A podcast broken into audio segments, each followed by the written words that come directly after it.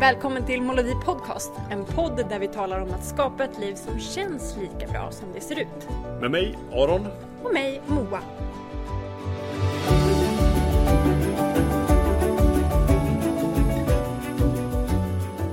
Kul! Hej Aron! Hej Moa! Hej! Kul! Idag är vi på samma ställe. Ja, det är grymt. Nice. Mm. Eh, eh, det är alltid det här, hur ska börja? Så att det låter naturligt att vi... Hej, vad kul att du är här! Vi har ju setts nu. Ja, precis. nu på morgonen, vi har hunnit dricka kaffe. Vi kände att nu kickar kaffet igång. Nu poddar vi! Ja, det kör vi. Så är det alltid. När samtalet börjar bli tillräckligt eh, liksom, intressant, som det alltid blir förr eller senare. Ja, sätt igång inspelningen. Precis, och så här, säg ingenting mer intressant nu innan vi har dragit på micken. Spara allt bra. Skittråkigt morgonkaffe. Ja, och Ja. bilen går bra. Man, vill inte, man vill inte säga någonting som kan bli bra i Nej, podden nej, när vi ändå är på gång. Liksom. Ja, men precis. Ja. Och så bygger man ändå upp så här. Oh, nu måste jag komma ihåg allt bra vi höll på att säga. Ja, För precis. Vi får se vad som kommer fram då i den här podden helt enkelt. Men jag tänker idag Aron att vi ska prata om eh, eh, våran eh, irrationella rationalitet. Ja, det är fantastiskt. Och jag tycker att det är eh, roligt fält det här med beteendeekonomi. För det, han, det, det kommer in igen och igen. Eh, och just nu så håller jag en utbildning som är livsplans kickoff tillsammans med Jan Bolmesson på Rika Tillsammans. Ja, just det. Mm. Och igår så hade vi så här ett kvällstillfälle och jag tänker på det där igen att det är också för att det är mitt fält, det handlar inte så mycket om pengarna. Utan den bästa hävstången för att få eh, ut mest av sitt eget kapital det är att ändra eller förändra sitt eget förhållningssätt till det man har. Just det. Eh, det kan, gäller ju både ekonomi, sin fysiska hälsa, de relationer man har, allt möjligt. Liksom. Mm. Det vi, kan vi verkligen styra över. Eh, och att det handlar om att titta på det. Och jag tänker också hur irrationella vi är i vårt förhållningssätt till ekonomi. Mm. Eh, så att jag tänker att vi ska prata om det. Ja, kul. Alltså det, det finns någonting frigörande i, i meningen irrationella, eh, irrationell rationalitet. Ja. Det finns lite härligt sådär. Att, att hur, hur planerat allting man ändå eh, tror och vill att livet ska vara så är Ja. man fortfarande väldigt irrationell i sin rationalitet. Ja, och det är som att vi har tagit någon slags antagande om att vi är en hjärna på två ben. Ja, precis. Det är lite så vi ser på oss Man själva. vill gärna se på sig själv så. Ja, och det är också det här att vi, som vi pratat om förut, att man tar sig själv på lite för stort allvar. och, man, och det är därför också man söker, alltså i, ända ut i man anstränger sig mycket för att förklara sina handlingar, sina val. För att man vill att de ska vara rationella. Ja, precis, Så om man, om man undrar efteråt, varför gjorde jag så här? Man kan inte köpa bara, okej, nej det var bara en ingivelse, jag körde lite på uppstuds. Nej. Utan nej, då ska man hitta en, gärna en förklaring som gör att det liksom, att det inte blir en dissonans i... Exakt, det känns liksom oseriöst eh, att liksom som vuxen människa bara så här. Jag- Kör på känslan. Ja men alltså, fuck, eller så här. Det är ofta den där, precis som du säger, så här. Äh, men jag fick en ingivelse eller jag köper känsla eller jag tänker att många gånger när jag träffar par så är det en som är mer så här logisk rationell och bara titta på de här siffrorna, det här är logiska alternativet. Och den andra bara, nej men jag känner inte för det eller jag har inte en, eh, jag har min intuition säger mig någonting annat. Ja, just det. Men jag tänker att, att det, det är det som ofta diskussionen handlar om då. Eh, eh, känsla, magkänsla, instinkt kontra rationalitet och analys och logik. Ja. Men jag tänker att många gånger är den här analysen och logiken inom situationstecken eh, inom situationstecken är Bra podd. egentligen... Moa sitter och gör fingergester här. Precis. Vi får börja med videopodd. Ja men exakt. Och jag tänker att den är lika ifrågasättningsbar som ofta intuition, eh, instinkt blir. Mm. För att den är inte lika rationell som den vill ge sken av att vara. Nej, just det. Men vi gör ett antagande om att den är det för att man tittar på siffrorna och tycker att det är en logik. Ja. Och jag tänker ofta när jag träffar par som har eh, konflikter, eh, svårare eller lättare konflikter kring ekonomi så handlar det om alla de där känslorna, antagandena man har kring de fakta som man har på bordet. Ja, just det. Men det handlar bara om hur man ser på det och just det här att vi, vi har en eh, irrationell rationalitet eller en rationell irrationalitet. Ja, ja. Åt båda håll egentligen där. Ja, Så jag tänker så här, när, ekor- när ekonomen gör sina modeller så utgår man från antagandet att människor är just rationella och förutsägbara. Vilket i min värld är eh, inte sant. Nej. Att det är lätt från ett så analytiskt perspektiv att tänka att vi är det. Ja. Ehm, och att vi också har tillgång till hela bilden, att vi har all data på bordet. För så är det när man forskar och tittar på saker utifrån. Men i våra vardag, i de val vi gör varje dag, så är vi inte det. Nej, Vi är mycket mer emotionellt investerade. Så, det. eh, i det. Och när man verkligen tittar på hur människor är så är vi liksom mer åt hållet så här, impulsiva, ha korta perspektiv. Mycket kortare perspektiv än Vad vi vill ge sken av. Ja, exakt. Precis. Det är som att jag tänker att därför jag vill prata om det här också. För jag tänker att tanken om att vi är rationella och logiska varelser i sig är farlig. Ja, För det gör att man får en blind spot att man inte är det. Nej, Men har man inte det antagandet från början då kan man lättare Förnekelse, se. liksom. Ja, Ja, precis. ja, Och att vi är liksom blankt irration- irrationella Ja. och eh, impulsiva och eh, emotionellt drivna i mycket större utsträckning än vad vi tror. nu Just måste det. Aron byta ställning här. Har, eh, vi sitter på små kuddar på golvet till mitt låga bord. Inte min vanliga eh, sittställning, men eh, det går bra. Precis. Vi får ta så här stry- strykarpauser. Jag är ju ganska mycket ute i, i naturen. Det här är typ den posturen man har när man sitter typ och väntar på att elden ska precis. få glöd. Precis, får välja en, en pose som passar. Ja, verkligen. Nej, men det som du är inne på, det, här, så det, och det där är ju Det är ju lätt att dra parallellerna till rädsla. Eh, Ja. Ja, men jag tänker att det bygger på rädsla att vi antar att vi är rationella. ja, För är vi inte rationella, vad är vi då? Då blir det så här, rädsla. Ja. Då kan jag inte förutse någonting. Då går det inte att ha antagande om någonting. Då är det bara, allt är bara kaos. allt är bara kaos och risk hela tiden. Ja, exakt. Och jag tror att, bra, det ska vi prata mer om också. Risk, eh, hur man förhåller sig till risk. Ja, Men jag tror att det är ett sätt att försöka utesluta risk. Att tro eller överskatta sin egen rationalitet. att man kan planera allting. Ja. Om jag bara planerar och tar eh, informerade val så kommer det bli så som jag förutspår att det kommer bli. Ja, precis. Och där tänker jag också att, apropå den här också korta horisonten som vi ofta har. Och det är väl egentligen sant att det är det enda vi kan... Vi kan ju bara ta beslut på den faktan som vi har just nu. Ja, Men vi behöver också eh, ha vetskapen om att det går inte att förutsäga vart vi kommer vara någonstans om x antal tid. nej, Eh, varken ekonomiskt, eh, för att det finns en, och inte liksom i livet heller. Nej. För att de enda förutsägelser vi kan ha just nu är ju baserat på den datan som vi har just nu. Mm, mm. Medan det kan ges helt andra förutsättningar om fem år eller redan imorgon. Ja, ja, men exakt. Eh, Nej, men och, och, det där är intressant för re- redan där så har man ju slagit hål på att man faktiskt tar logiska rationella beslut. Mm, För att det förutsätter ju som du sa för några meningar sedan. Det förutsätter ju att vi har all tillgänglig information ja. om det vi nu ska fatta ett beslut om. Ja, och vet du, det är därifrån liksom, eh, ur så här, traditionella ekonomiska modeller man utgår ifrån att man har alla fakta på bordet. Ja. Men de allra flesta fall så har vi inte det. Eh, och vi måste fatta ett beslut baserat på den faktan som ges. Just det. Och att vi kanske inte heller ger oss tid eller utrymme att se till att ha alla fakta på bordet innan vi tar ett beslut. Nej, just det. Mm. Men det där, nu, nu sidospår, men vi snackade i, vid frukosten här så pratade vi om att, eh, ja men det blir en förändring i, i livet, i tempot nu under vi har en pandemi som har pågått ett år. Det gör att man inte i samma utsträckning rör sig i stan. Man har inte samma den här vardags eh, delaktigheten i en stadsbild på samma sätt. Utan man jobbar mer hemifrån, man jobbar mer kontrollerat. Det blir inte lika mycket spontana ut. ut. Och, och du sa att det hade ändrat lite grann i ditt köpbeteende också. Mm. För att eh, det behöver inte betyda att du tar mer informerade val. Men lite av det här att bara slinka in någonstans att köpa det här på, på känsla. Beroende på kanske vilken känsla man hade den dagen. Ja. Eller om man kanske har varit lite stressad i några dagar och vill bara unna sig någonting. Ja. Eller vad. Det är inte heller rationella köpbeteenden. Nej, och vet du vad roligt när du säger det? Då märker jag att jag har haft ett beteende att jag eh, när jag har haft ett lyckat möte eller känner mig glad eller fått mycket energi. Ja. Liksom, jag har dragit till en ny affär eller jag har träffat mycket härliga människor eller jag har fått mycket nya härliga idéer. Ja. Då har jag liksom inom situationstecken igen då firat det genom att liksom tvivelaktig firning kanske, genom att köpa ett eh, någon heminredning, ett kuddfodral eller någonting så. Eller eh, ett klädesplagg. Ja. För att så här, på något sätt jag, kan in, jag märker det efterhand när jag kan se det lite mer klart när jag inte längre har det beteendet. Att, för, att det, för att vi lever i pandemi-Sverige just nu. ja.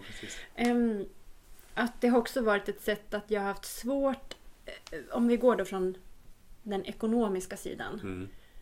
Eh, liksom att det kostar mig pengar och jag får lite glädje tillbaka. Men Ja. om man tittar på den liksom eh, beteendeekonomiska sidan så, här, så jag, jag tänker att det handlar för mig om de värderingarna eller som tankarna, känslorna som har funnits bakom. Ja. Det har varit att jag har haft svårt att härbärgera den höga glada energin. Ja, ja, Och jag har varit tvungen att göra av med den på någonting. Och också kanske materialisera det. Genom att känna så här.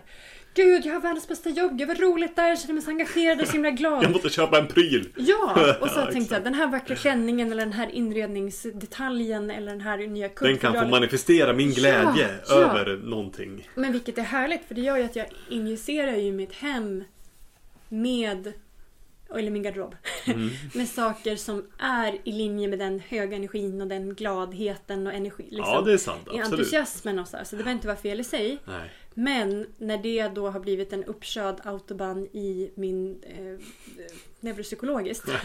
Så bara glad köpa! ja, glad precis. köpa! Ja. Bara, Ledsen köpa. Ja, det blir också så här. Ja, så kan Ja, det också vara. skitvecka. Ja, men jag, jag gör någonting för att injicera lite glädje, Ja. lite pepp, lite någonting, lite tillfredsställelse. Det är lite som det här bara, eh, ska inte du sluta röka? Bara, ja, men idag är det ju fest. Ja. Idag regnar det ju. Ja, precis. Bara, idag är det ju sol. Ja, exakt. Man hittar ursäkter hela tiden Ja. för.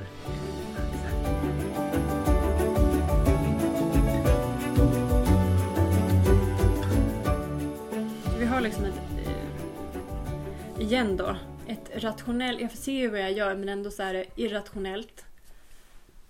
För egentligen så är jag glad och vill dela med mig och liksom ha den där glädjebubblan. Men det irrationella är kanske att köpa saker hela tiden. Ja, just Det blir på något sätt tomt. Det blir som att det förmeras inte...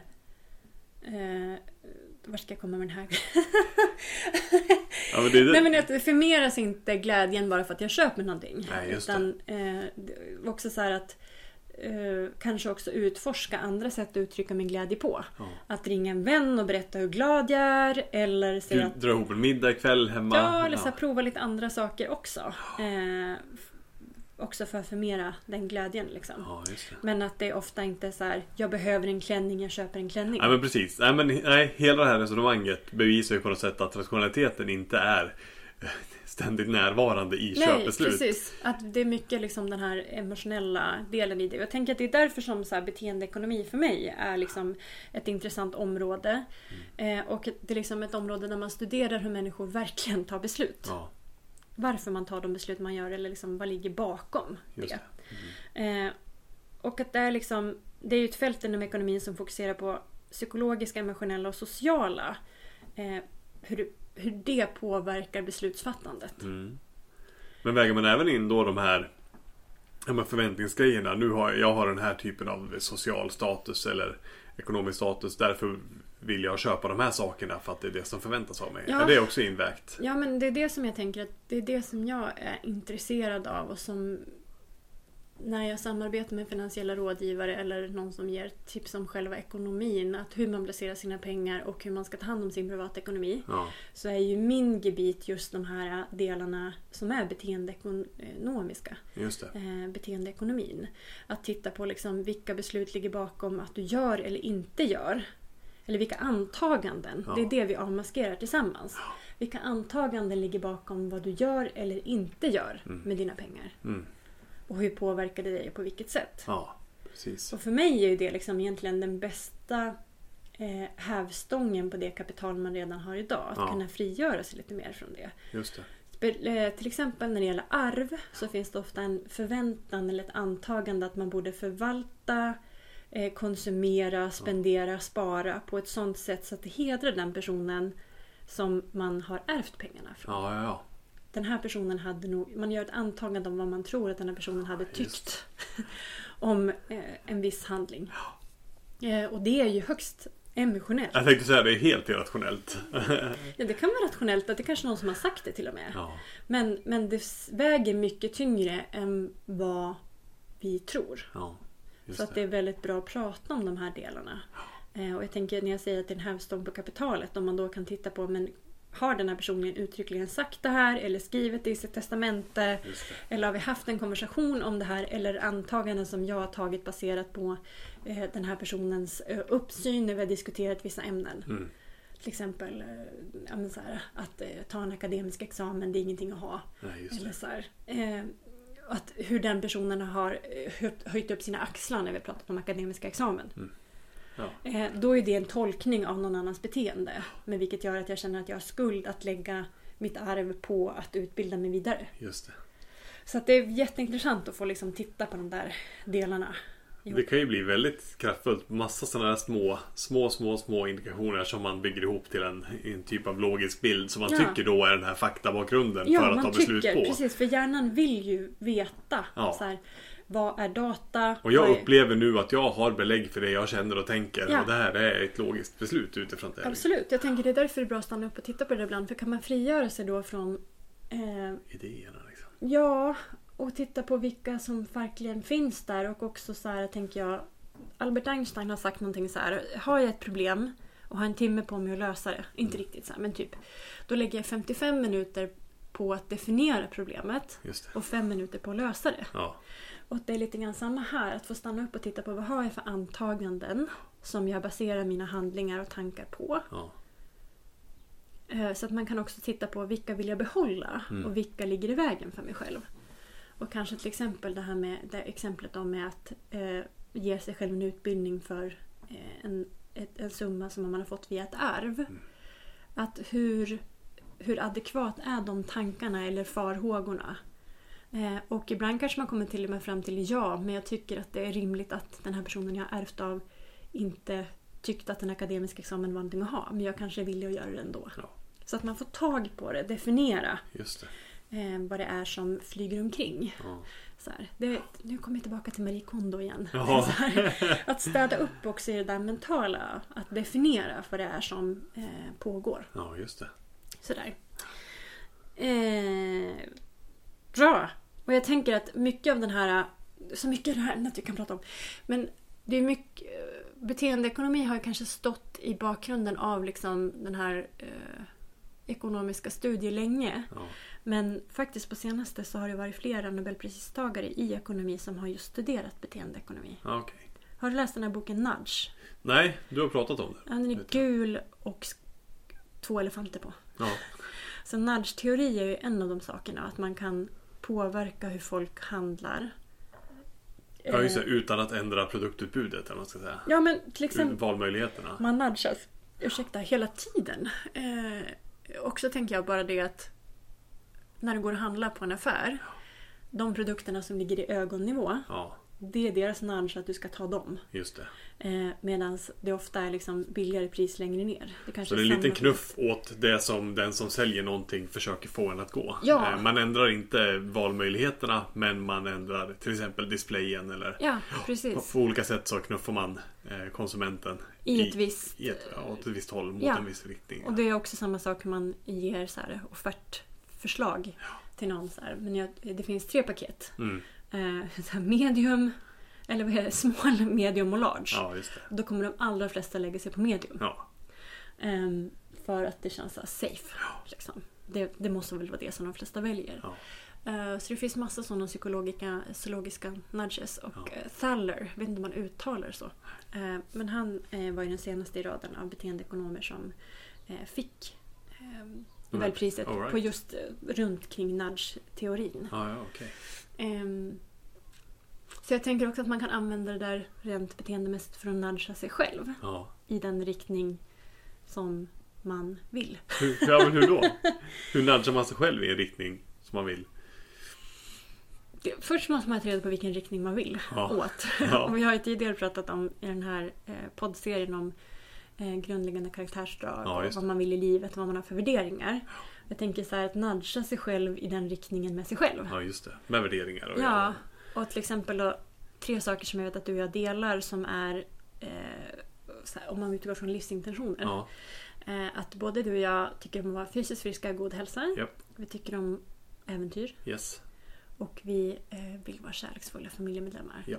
Så du och jag tycker om att göra någon slags resa, äventyr. Eller vi har Hitta på fjällvandrat. saker ihop. Ja, precis. Vi har fjällvandrat eh, de senaste två, tre åren Ja. tillsammans. Gjort någon vandring ihop. Och det är ju verkligen i linje med Nu ska vi se hur vi läser ut det här då. Ja. Nej, men det är i linje med livsintentionerna. Ja, men Jag exakt. tänker så här, hur kan man nudga, hur kan vi nudga oss själva till att göra mer av det som vi vet att vi mår bra av Mm. och som vi tycker om? Ja. Det är ju till exempel... Eh, ur- jag tänker, jag vet inte riktigt om det är en eh, regelrätt nudge, men till exempel att ha rätt utrustning så att det är lätt och enkelt att göra det. Eh, Alltså det ska vi vara tydliga med. Det här är inte Vetenskapspodden. så vi, vi behöver inte vara alldeles korrekta i allting. nej, precis. Det är snack. Men vet du, jag ser en nudge bakom dig. Ja. Ser du den här tavlan som står där? Ja. Vad är det på tavlan? Vad är det för motiv? Ja, det är fjäll och sjöar och det är någon typ av, ja det är eld. Eller väldigt aggressiv hjortronbusk. men men det, det är fjäll och någon sjö. Eller ett eh, vinterlandskap. Precis. Du kan väl skriva nu precis hur du vill Fan vad kul, vad kul. Jag tänkte vad kul om du såg något helt annat. Det är ju... Ja typ... För mig så är det eh, absolut fjäll och det är så här eh, höstsprakande eh, fjällbjörk. Ja, okej. Den är lite, som ni hör, så är den ju lite... Vad heter den när den inte är helt föreställande? Eh, ja, lite abstrakt. Ja, lite abstrakt, Oljemålningsabstrakt. Ja, precis. Eh, och jag tänker att bara den här tavlan i sig är ju en liten nudge. Ja, just det. Att det blir Påminna en om, uppmuntra en ja, till och så ja, vidare. precis. Just det. Och det är färger som jag gillar och som funkar bra i våran så här. Men det var så roligt för jag hade en kompis som sa så här, vad, fina koraller. Bara. Undermedveten nudge till så här, ah, längtar efter utlandssemester. Vad intressant, för, vi, vi, för några, två, tre år sedan så, så eh, rensade jag och min sambo ut hennes eh, morfars Mm. eh, lägenhet efter att han hade gått bort. Och då, eh, två tavlor som jag tidigare tyckt var ganska tunga, tråkiga, du vet en gammal klassisk, stora tavlor. Mm. Men den ena var ju någon typ så här, du vet, eh, södra Härjedalen motiv med någon älg som står på någon myr.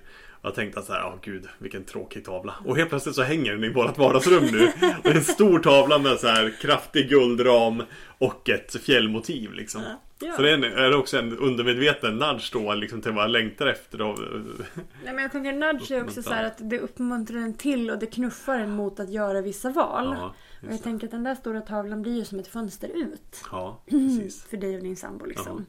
Ehm, så det, det är saker som gör att vi beter oss på ett vitt sätt. Det är Ja. väl det som är en nudge liksom.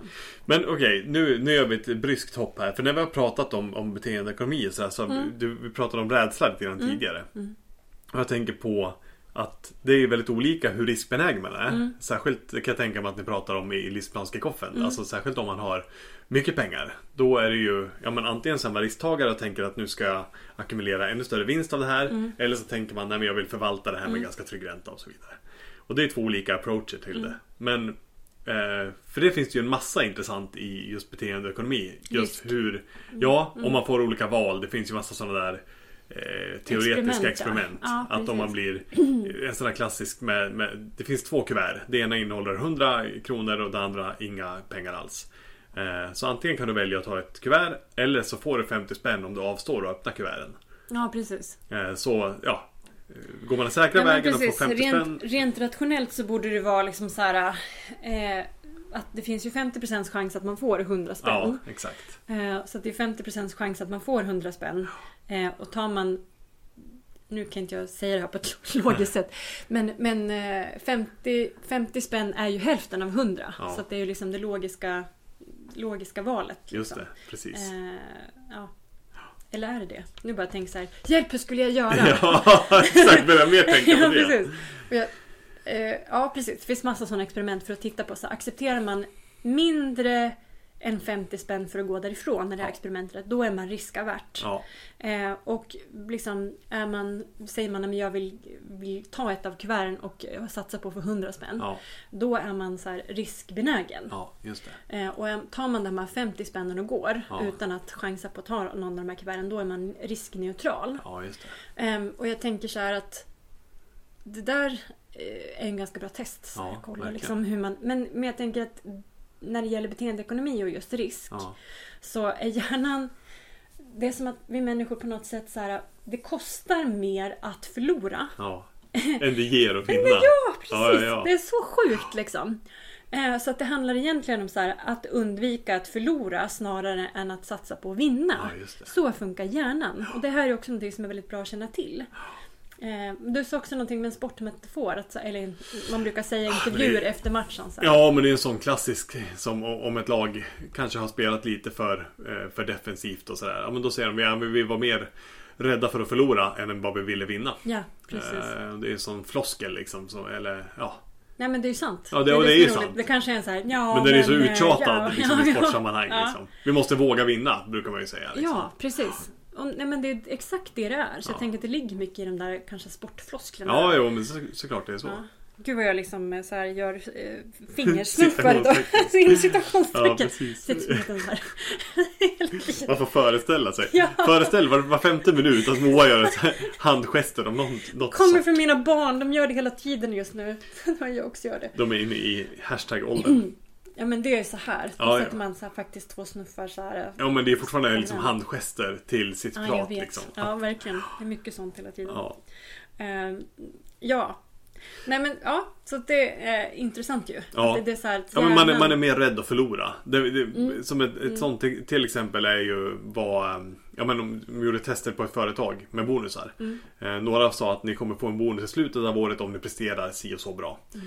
Eh, och så fanns det någon till grupp. Och sen fanns det en tredje grupp som fick en bonus direkt vid starten av året. Men ni kommer behöva betala tillbaks den om ni inte presterar utefter de här premisserna. Mm. Och det var en, en signifikant skillnad. Alltså de som fick en bonus först och sa vi kommer ta tillbaks den här om ni inte presterar.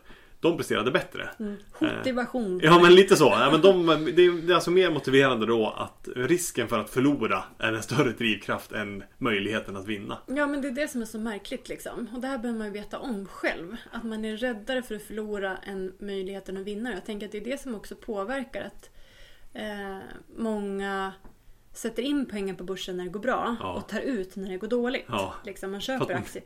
Det är så här, egentligen tvärtom vad man, det är så här nybörjarmisstag. Ja. Men det är så hjärnan fungerar. Man vill verkligen inte förlora.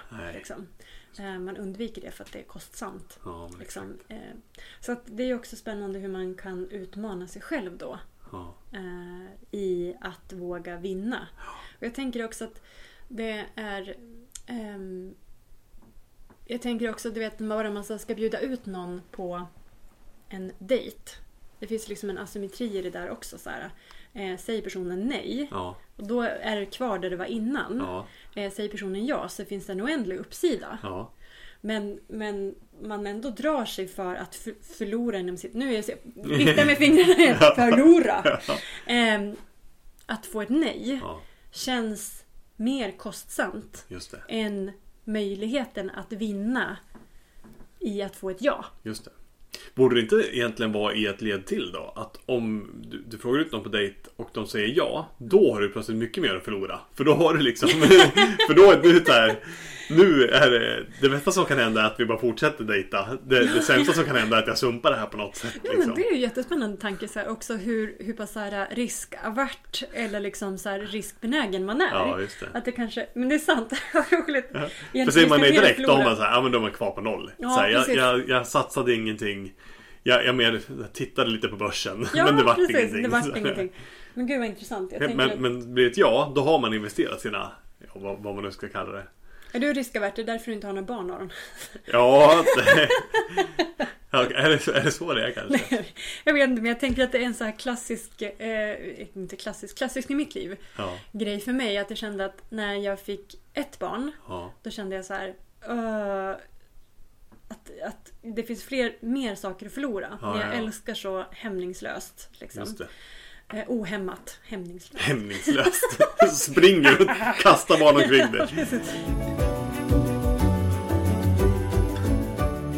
Eh, ohämmat. Ja, Och sen när jag fick mitt, eller liksom mitt andra barn. ja, Då kände jag också så här. Helvete vad mycket som kan gå fel. Så här, våga skaffa fler barn. Så här, kommer man få ett till friskt, härligt barn. Liksom. det. Att det, så här, det känns lite som att gambla och skaffa till barn. Ja, för att det så här, risken ökar. Just det. Ja, det är som att man spelar på en sån där slot machine liksom. Ja, eller, så här. eller, eller blackjack. Så Ja, här, och ska jag... bra liksom. Ja, precis. Jag har 18 nu. Ska jag Ja. våga gå för 21 eller ja, ska jag... Ja, precis. risk att förlora så. allt. Lite så kände jag. Så här jättestark känsla av så här.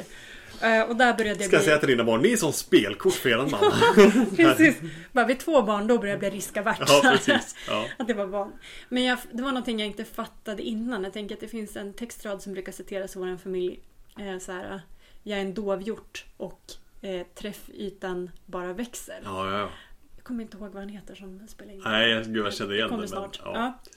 En textrad från en låt. Och det blir nästan så, ju fler man har i sitt liv som man älskar väldigt mycket, Mm. desto mera rent liksom, statistiskt chans är att någonting ska gå fel. Ja, ja, Att någon ska dö, göra illa sig, få en sjukdom, eh, må dåligt. Eller liksom att det ska vara risk. Liksom. Ja men precis. Mm. Men vad, vad, vad heter den där? Det finns ju någon, eh, något uttryck. Grounded... eh, grounded logic. Nej vad heter det? Det här som, som handlar om en, om en själv när man... ehm, när man snarare tar ett säkert beslut och bara tillfredsställer ett behov. Snarare än att faktiskt gå för det bästa. Ja, ja precis. Eh, eh, Ehm. eh, Ja, men, eh, jag skulle säga att det handlar om eh, bounded. bounded heter det, inte grounded. Nej, Precis. bara grounded. Bounded logic. Ja, men precis. Ja det kanske kommer. Det, det kan man skitsamma googla. vad begreppet är. Ja, ja men jag precis. tänker att det handlar om att så här, vi söker beslut som är good enough snarare än det bästa. Ja, ja precis. Exakt Mm, så. Mm, mm. Och jag tänker det där, det, det kan man väl observera både kanske hos sig själv och hos vänner. Alltså ibland i, i relationer, Mm, mm. i förhållanden. Så här, att man tänker så här, men... Eh, nu, ännu ett bra exempel på att man inte har all information. Så man Mm. kanske inte ska bedöma sina vänners relationsval. för att man har inte hela bilden. Okej, nu kommer det intressanta Aron. Nu Ja. avbröt jag dig mitt i det där. Ja, det är lugnt. Nu tänker jag så här. Vad behöver man då? För att om, om vi utgår från att det är sant, Mm. det antagandet. Att, så här, att vi söker beslut som är good enough snarare än det bästa. Mm. Och att vi liksom vi är mer intresserade av att inte förlora Mm. än att vilja vinna. Mm. Vad behöver man då för att bli mer modig? Förstår du? För att våga spela för att vinna oftare. I relationer, i när man söker jobb, i eh, ekonomi. Men söker man inte en typ av garanti då? I vissa sådana här game shows då Mm. finns det så här, när du kommer upp till den här nivån, då, då safeas de pengarna. Men det Jag- finns ju inget sånt i livet. Nej. Bara, Nej, men jag låser in det här värdet jag har nu. Så. Nu har vi, vi, vi har haft en relation i fyra år. Nu får inte du lämna mig. Så nu, nu, nu är det här safe. Jag bara, det här är vi- lägsta nivån. Nu kan vi ta nästa. Ja. Ja, nu kan det bara bli bättre härifrån. Ja. Åh, jag klarar Sämre det än så här kan det inte bli. Nej men precis. Nej men det är sant. Okej, nej vad fasen, vad, vad är det man... Ja men vad är det man söker? Alltså någon typ av säkerhet eller? Ja, men jag tänker, vad behöver man för att hinna finna säkerheten i att våga spela för vinst? Mm. Förstår du vad jag tänker? Ja absolut, jag förstår Som vad du i det tänker. här kuvertexemplet då. Mm. Vad behöver man? Men vet du, vet du vad min logik... Jag är ju en annan logik än min man. Han Ja. är mer eh, klassisk, rationell, eh, min kära Oscar. Eh, som så här räknar ut procentuellt och jag har en annan slags logik som jag följer. eh, och jag tänker ju det här kuvertexemplet då med ett kuvert med 100 spänn, ett med inget. Nej. Och jag tänker så här, det är klart att jag går för kuverten. Ja. För att det värsta som kan hända det är att det går härifrån med samma pengar som jag hade när jag ja kom. men precis. Så att det är min logik. Medan han hade säkert räknat ut att det procentuella smartaste, eller liksom logiska smartaste, det tar Ja. 50 spänn att gå. Jaha just det. För då har man 50 spänn och sen så Ja, går man precis, vidare med jag, livet. ja precis, och då har jag ändå vunnit 50 spänn. Ja, garanterad. Ja. ja. precis. Ja, men vad behöver man då? Alltså är det... Risktagandet... Om ni har svaret på den här frågan.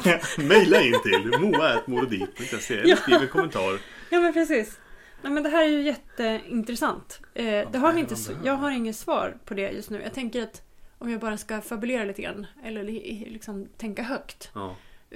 Provprata. Ja. provtänka högt. Då tänker jag att för mig så handlar det om för att våga spela, för att vinna. Att eh, jag tänker att det handlar mycket om självmedkänsla. Ja. Att jag inte, om det är så att jag förlorar, Mm. att jag tränar mig på att inte vara hård mot mig själv. ja. Utan att gratulera mig själv för att jag vågade spela. Ja, just det. För jag tror att när det kommer med ett internt straff av att jag straffar mig själv för att jag förlorar. Hur kan jag vara sån idiot Mm. som vågade spela på det eller gjorde det beslutet? Mm. Eh, för det är så här, eh, straffet mentalt för mig, Mm. och jag tror för de allra flesta, är hårdare. Mhm. Det i- inre mentala straffet i mig själv. När, om jag skulle spela det här kuvertspelet Mm. och förlora. Mm. Låt säga att det är liksom, du vet, 10 miljoner i ena och inget i andra. Mm. Vi höjer lite. Ja, så att det blir lite mer tillspetsat emotionellt. straffet för att välja fel mentalt i mig själv är ju mycket högre Mm. än om jag hade vunnit. Då hade jag inte applåderat mig själv lika mycket för att jag vågade. Nej, just det. Utan då hade jag så här, vilken tur jag hade lagt det på utomliggande. Inte att jag var smart eller att jag var modig utan jag hade så här lagt det på mer utomliggande parametrar. Hänger du med? Ja, absolut. Vad, vad spännande. Jag tänker på det där skulle man ju vilja göra en, en liksom eh, empirisk studie av och titta på någon sån här gameshow. Ta vad heter det? Bingolotto. Mm. Där ringer man väl, ringer folk in och så får de välja något så här, öppna luckor och grejer i direktsändning. Undrar om man skulle göra en där finns det ju förmodligen vinster av olika värde. Det finns väldigt bra vinster Mm. Nu och så sitter vi finns och har en det... hypotes om Ja. Bingo. Ingen av oss har sett det på aslänge. Ni, ni som ser på Bingolotto bara nej nej. Ja, men det, nej men okej, men jag, jo, men det- jag vet att de öppnar luckor i alla fall.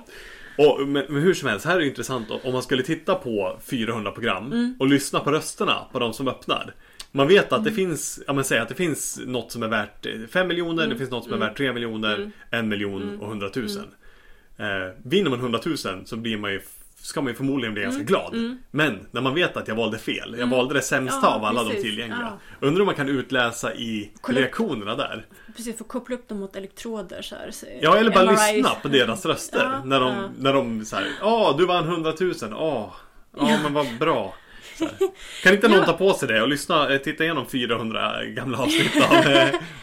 Men det tänkte jag också att det handlar ju också om det där med Det finns också en snygg frasering för det här på beteendeekonomiskt sätt. Men att det handlar ju också om vår egen uppfattning. Tänkte att hade det 100 000 varit det mesta Ja, Då hade man ju varit jävligt nöjd. ja, Men det handlar ju om, det är det jag menar, att det är så intressant med beteendeekonomi att de där antagandena som ligger bakom. Mm.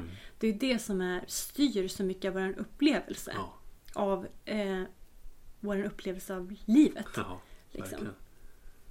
Och jag tänker, jag tycker att vi lever i en väldigt spännande tid just nu. För att jag tänker att vi pratar om det här rationellt, eller irrationellt rationella igen. Har du hört talas om eh, kryptovalutan Dogcoin? Ja, nej, inte Dogcoin. Nej. Nej. Ehm, ett fält som har intresserat mig på sistone att kolla liksom på det här. Och Det var en valuta som skapades utifrån ett så här mem Ja. eh, på nätet med någon hund. Man kanske säger Mem. Meme. me- Eller det, det kanske jag som säger fel. Nej, det kanske, det kanske är meme. Meme. Ja, Ja. ja. Ni vet vad vi menar. Jag säger mem, han säger meme. Mm. Eh, rörliga bilder med roliga texter på nätet. Eller fasta bilder med text. Ja, med text. Precis. Så det Ja. är liksom en... Ja. Mm. Memes. Whatever dude. Då har vi sagt alla. Jag tror inte att jag har sagt det högt. Nej. Du vet, man... Mem, Meme. meme. Okej, meme. Nu fick jag samma så här, eh, franska meme-bilder i, Ja. i huvudet istället. Bara, Ja, ett meme. Och nu gör hon den här glasburen där inne Moa. Inte speciellt bra heller. Nej, alright. Ja, och den, eh, det var några som tyckte att kryptovaluta, gud vad, eh, det här är liksom plojigt och så här och bara skapade en kryptovaluta som de döpte till Dogcoin baserat på något, eh, På någon meme liksom. ja precis, som var populärt just då. Eh, bara för att visa så här, haha, alla ni som jobbar och grejer med kryptovaluta, köper, producerar kryptovaluta. Gud vad knäppt det här är. Mhm. Eh, och så gjorde de det och sen så blev det liksom eh, en snackis. Och sen så, det var olika steg i det här men sen så eh, var det något så här, vad heter det? Bobsleigh team, vad heter det? Där man åker rådel eller något Ja, sånt där. ja. Från något land som inte hade råd att åka på VM och då sponsrade de här som hade Dogcoin community, Okej. den där Sledge team. Ja, ja. Och så hade de ju tröjor med det och så blev det större och spred sig. Och sen köpte de någon sån här racing car och sponsrade det tillsammans. För pengar som de hade hittat på själva. ja, ja. Och tyckte att det var så här plojigt och kul. Ja. Och sen så för, jag tror att det var för något halvår sedan eller någonting när Elon Musk började eh, och Tesla köpt, är det Tesla som har köpt eh, bitcoin? Ja, jag, jag vet inte exakt hur turen har gått där. Nej, men han har i alla fall sig i kryptovaluta. krypton, ja. ja. Och jag tror att det var bitcoin. Och i och med det så var han inne och pratade om det. Och i och med att det köptes så ökade ju alla kryptovalutor. Eh, men också att han explicit pratade om Dogcoin och sagt att han hade köpt det till, si, till sitt eller sina barn på Ja. något sätt. Okej. Eh, och då ökade ju det explosionsartat för att han pratade om det. Så Just det. alltså det är, jag tror det är fem personer som äger 50% av alla Dogecoin som Jaha, finns. okej. ja. Så helt plötsligt så är det för att en känd person har pratat om vad han tycker om värdet på en kryptovaluta som de själva då har skapat. Ja, Eh, så ökar värdet explosionsartat. Alltså Just med så här 8000 gånger Ja, eller någonting så här. Och jag tänker så här. Vad sjukt. ja. Det är väl, Hittar på världen. ja men liksom. så här. eh, Det är väl irrationell rationalitet. Ja, ja För det verkligen. finns ju en algoritm och en tydlig, eh, vad ska jag säga, Ja, man som regler stipulerar reglerna för det. Ja. Precis. Ja, det finns det ju. Men jag tycker att det är sj- sjukt. Så det ska jag gräva vidare i. Ja. Eh, beteendeekonomi och kryptovaluta. Ja. Hur det funkar. För vi tänker att vi lever så mycket i en förväntansekonomi. ja. Och att eh, så klassiska ekonomiska Strukturer. Liksom strukturer. Liksom. utgår ifrån att vi är logiska rationella. Men det är vi ju inte. Nej. Och jag tycker att eh, vad heter det? kryptovaluta är ett så bra exempel på det. Med börsen i sig. Att det är liksom en förväntansekonomi. ja, men det, precis, precis. Så. Ja. Nej, fan vad spännande. Ja. Alltså, så vi har pratat om eh, beteendeekonomi, vi har pratat om Ja men just den här irrationella rationaliteten eller den rationella irrationaliteten. Om rädsla för pengar, att vi är mer Att vi, vi, vi Mer intresserade av att inte förlora än att vinna. Ja men precis. Och att vi fattar beslut som vi tror är rationella men vi fattar dem egentligen eh, baserat på det vi känner till just nu. Men att det finns en asymmetri i hela verkligheten. Eh, att vi inte kan räkna ut vad som kommer hända längre fram för att då är det ju andra fakta som har tillkommit. Och, och vi brukar ju komma till någon slutpunkt sådär när man skickar med lite tips. Det gör vi ju inte riktigt idag för idag har det inte varit sån typ av snack. Men jag tycker det du sa om, eh, men, eh, om det nu var Einstein och hur han nu uttryckte det. Men just det här med att om jag ska lösa ett problem på en timme så lägger jag 55 minuter på att definiera problemet och 5 minuter på att lösa det. Och lite samma är Ska man hitta någon typ av riktning, vart fasen ska jag? Och ändå försöka skapa sig någon typ av irrationell rationell uppfattning om, om vad man vill. Så handlar det mycket om att definiera behovet, eh, önskan. Ja, och så, men jag tänker att det som absolut definierar önskan vart vilja, men jag tänker det som är intressant för mig i det här pratet idag, det är ju att fortsätta fundera på själv. Eh, och jag lovar att återkomma om jag kommer på någonting smart. Eh, men att så här, vad behöver jag för att ha modet och viljan att våga spela för att vinna? Snarare än att eh, satsa på att inte förlora. Just det. Ja men precis. Ja, bra formulerat. Ja, vad behöver jag liksom då? Ehm, ja, med det så tänker jag att vi säger over and out. Over and out. Ja. Vi hörs om två veckor. Yes, Bra, hej! Hej.